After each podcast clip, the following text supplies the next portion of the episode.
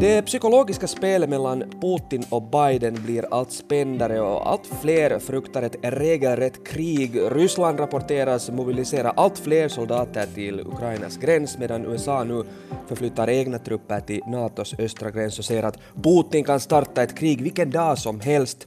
Men stämmer det här verkligen? Varför skulle Ryssland ens vilja ta över eh, hela Ukraina? Är det inte både dyrt, svårt och farligt? Kring det här ska vi diskutera här i nyhetspodden. Jag heter Johannes Staberman och med mig har jag säkerhetspolitiska experten Patrik Oksanen. Välkommen hit till nyhetspodden igen Patrik. Tack så mycket. Hör du, eh, den här medierapporteringen om det säkerhetspolitiska läget, spänningarna kring Ukraina, ja det känns som att det blir allt intensivare. Varje dag får vi läsa och höra om det senaste i det här psykologiska spelet eller kriget och det målas upp en bild, i synnerhet från amerikanskt håll, om att Ryssland kan invadera Ukraina vilken dag som helst och starta ett storskaligt krig. Jag menar, vad väcker den här rapporteringen för tankar hos dig som ändå följer med säkerhetspolitik på nära håll? Är det liksom en korrekt bild av läget som målas upp här?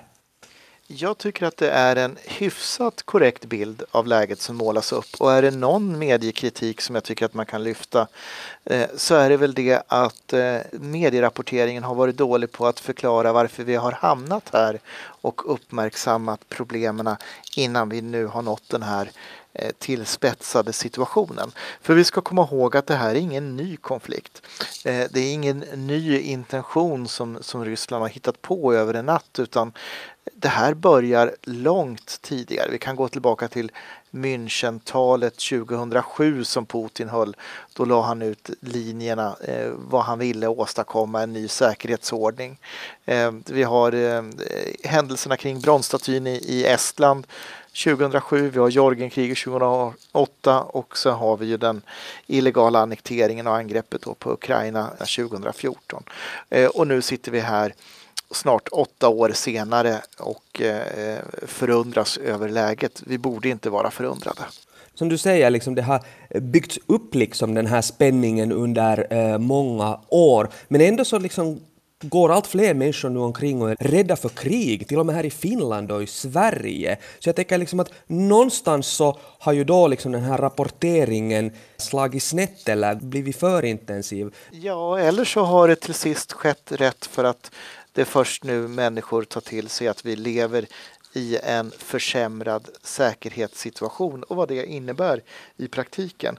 Eh, det är ju på något sätt så är de senaste veckorna som det har blivit riktigt och på, på allvar för människor och att man förstår att vi, vi lever i en farligare tid.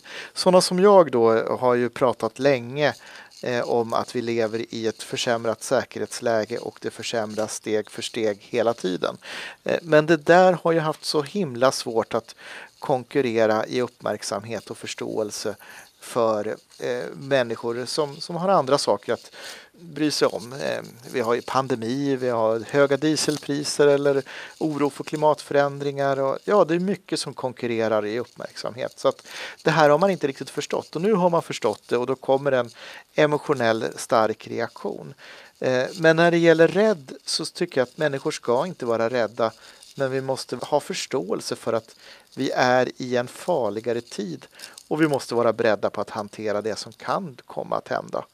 Så att eh, när, när den här första fasen av, av att upptäcka hotet och problemet landar lite mer så, så kommer vi att hamna i en bättre emotionell jämvikt, är min bild i alla fall. Så du tycker inte att det pågår någon sån här liksom skrämselpropaganda nu då?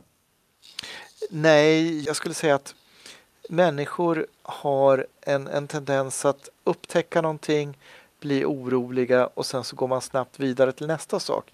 Men det här är någonting som har funnits länge, försämrats länge och någonting jag tror tyvärr vi måste lära oss leva med ganska lång tid framöver. Vi, vi kan förvänta oss att det här är en orolig tid och att den här oron och hoten och problemen kommer att vara i flera år till. Eh, Ryssland har nu 70 procent av de resurser vid Ukrainas eh, gränser som krävs för att erövra hela landet. Det säger eh, amerikanska underrättelsekällor som, som ändå inte har liksom kunnat visa några klara bevis på det här. Amerikanerna tror att huvudstaden Kiev skulle kunna intas inom 48 timmar om Ryssland beslutar att inleda ett fullskaligt krig och att det här kan ske när som helst hur sannolikt är det här ändå på riktigt? Jo, vi, vi ser en ökad spänning, men hur sannolikt är ett sånt här scenario undrar jag? Ja, för den, den minnesgode lyssnaren som kommer ihåg Hasse och, och Tage-sketcher i Sverige eh, och sannolikhetsmonologen om Harrisburg, en kärnkraftsincident på 70-talet, vet ju att det osannolika är ju så osannolikt så att det sannolikt inte har hänt, även om det har hänt. Eh, det vi vet idag, eh, det är att Ryssland har gjort en mycket stor ansträngning under lång tid att flytta fram militära positioner. Det här började man redan med truppsammandragningarna i våras. Man lämnade kvar materiel. Eh, man gjorde bitar av det här kring Zapad, den stora övningen i höstas. Och nu sitter man och transporterar förband, bland annat då från, från Fjärran Östern, Stilla havskusten, hela vägen längs, längs den eh, transsibiriska järnvägen. Eh, och gör den här uppbyggnaden som är mycket, mycket större än vad vi någonsin har sett i modern tid från, från rysk sida. Så att uppbyggnaden finns. Vi vet också historiken att Ryssland är beredd att använda militärmakt. Det har man visat. Man har visat det i Syrien, man har visat det i Ukraina och man har visat det i Georgien. Eh, vi vet också vad Ryssland vill.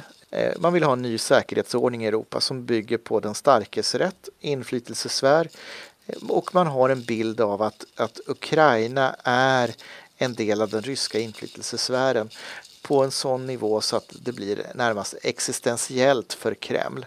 Att det här liksom är en del av, av Ryssland. Så att du har en imperialism som man inte har gjort upp med. Eh, de sakerna vet vi. Vad som händer imorgon eh, det är inte säkert att Putin vet det själv för att han kanske bestämmer sig i natt. Men man har skapat då en möjlighet att i stort sett göra alla olika scenarion man kan tänka sig. Och det är den risken vi har nu att hantera. Sen blir ju naturligtvis medierapporteringen eh, söker ju hela tiden nya vinklar. Eh, man vill ju ha någonting nytt att berätta eh, och då är det klart att då kan det bli rätt mycket rapporteringar hit och dit på, på massa olika saker och ting som, som händer eh, och så. Men den stora bilden, den är allvarlig.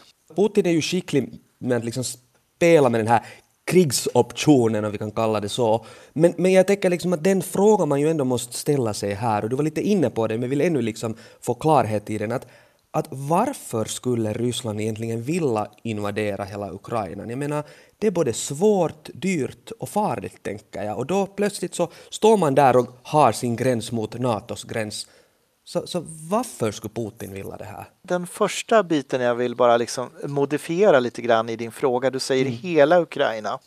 Jag är inte säker på att, att hela Ukraina är vad det handlar mm. om. Eh, utan vi har ju de västliga delarna som eh, ligger liksom väster om Kiev. Eh, det tror jag inte ligger i, i, i, så att säga, i ett första steg i alla fall. Eh, så det är mm. en sak att liksom ha, ha i huvudet att det här kan handla om delar av Ukraina.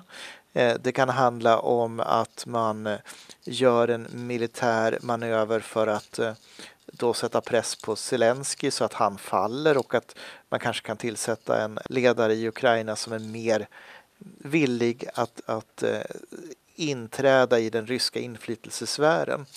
Och vi har liksom allting från, från det lilla till, till det stora, vilket jag ser som, ja, då är det att ockupera Kiev och, och hela östra Ukraina. Så att vi har liksom ett spelrum i spekulationerna där. Och varför? Mm. Ja, därför att det är ju återigen då, kommer tillbaka till det här existentiella i, i den ryska självbilden. Ehm, det ryska imperiet utan Ukraina är inget imperium. Då skrev ju Putin i, i sin essä som kom i somras där han underkände liksom att Ukraina är en statsbildning ens. Sen är det naturligtvis som så att, att Putin måste göra en riskkalkyl.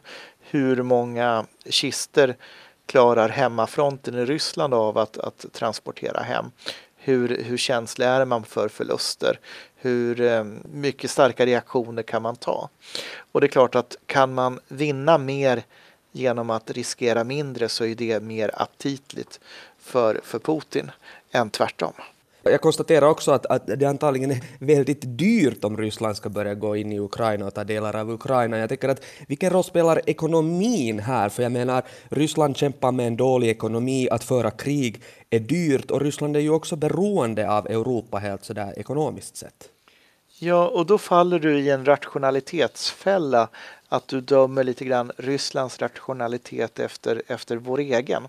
Eh, samma argument kunde man höra 2013 innan Ryssland gick in och gjorde den illegala annekteringen av Krim eh, och eh, startade då inbördeskriget som man försöker framea det som men som egentligen är ett proxykrig, ett, ett, ett anfallskrig då i östra Ukraina. Och det har man fått betala ekonomiskt för.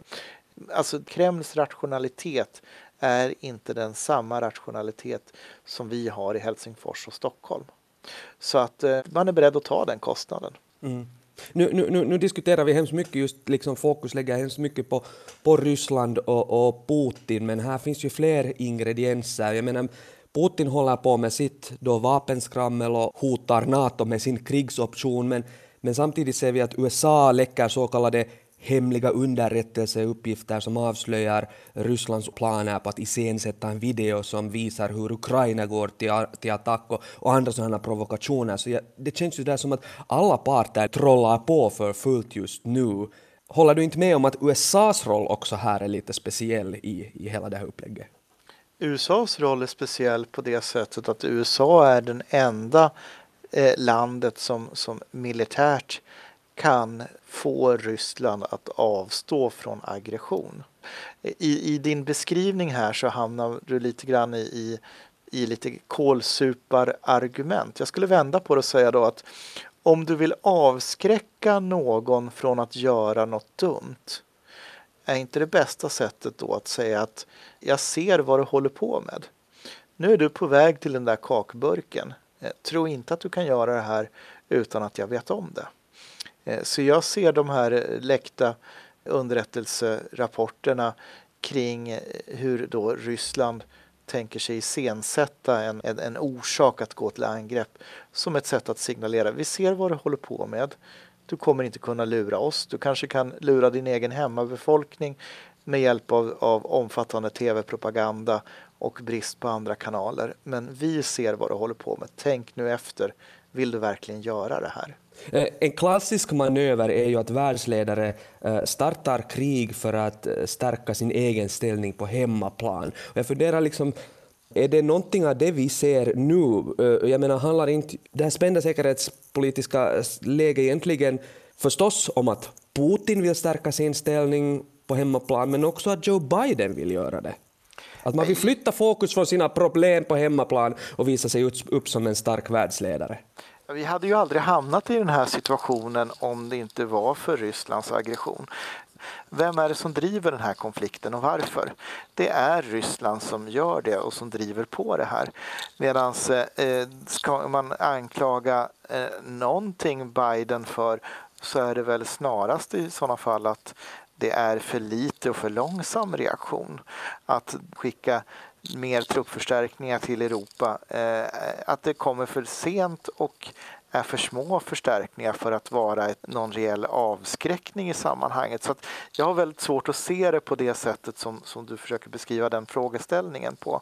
Så jag tror att Biden mycket, mycket hellre skulle ägna sig åt att fokusera på både Kina och, och amerikansk inrikespolitik. Så att amerikanerna är nog mer, mer så här trötta, suckande över att måste vi hålla på med det här. Mm. Flera opinionsundersökningar Eh, visar just att, att eh, rädslan för krig liksom är större både här i Finland och, och, i Sverige än på länge. Unga till exempel på TikTok frågar att blir det krig nu? Och, och, och jag såg en sån intressant grej som att, som att här i, i Finland finns det en sån butik som säljer sån krigsutrustning, så deras liksom försäljning har gått upp. Eh, varför tror du att folk är så rädda? Liksom? För att vi talar ju ändå inte om krig i Finland och Sverige, det är ju liksom inte i närheten, så vitt jag nu kan säga.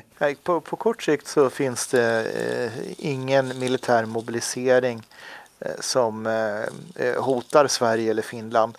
Men däremot så ska man återigen vara medveten om att vi är i ett annat säkerhetsläge. Det här är en situation som kommer att vara i flera år och hur det här spelar ut sig det återstår att se.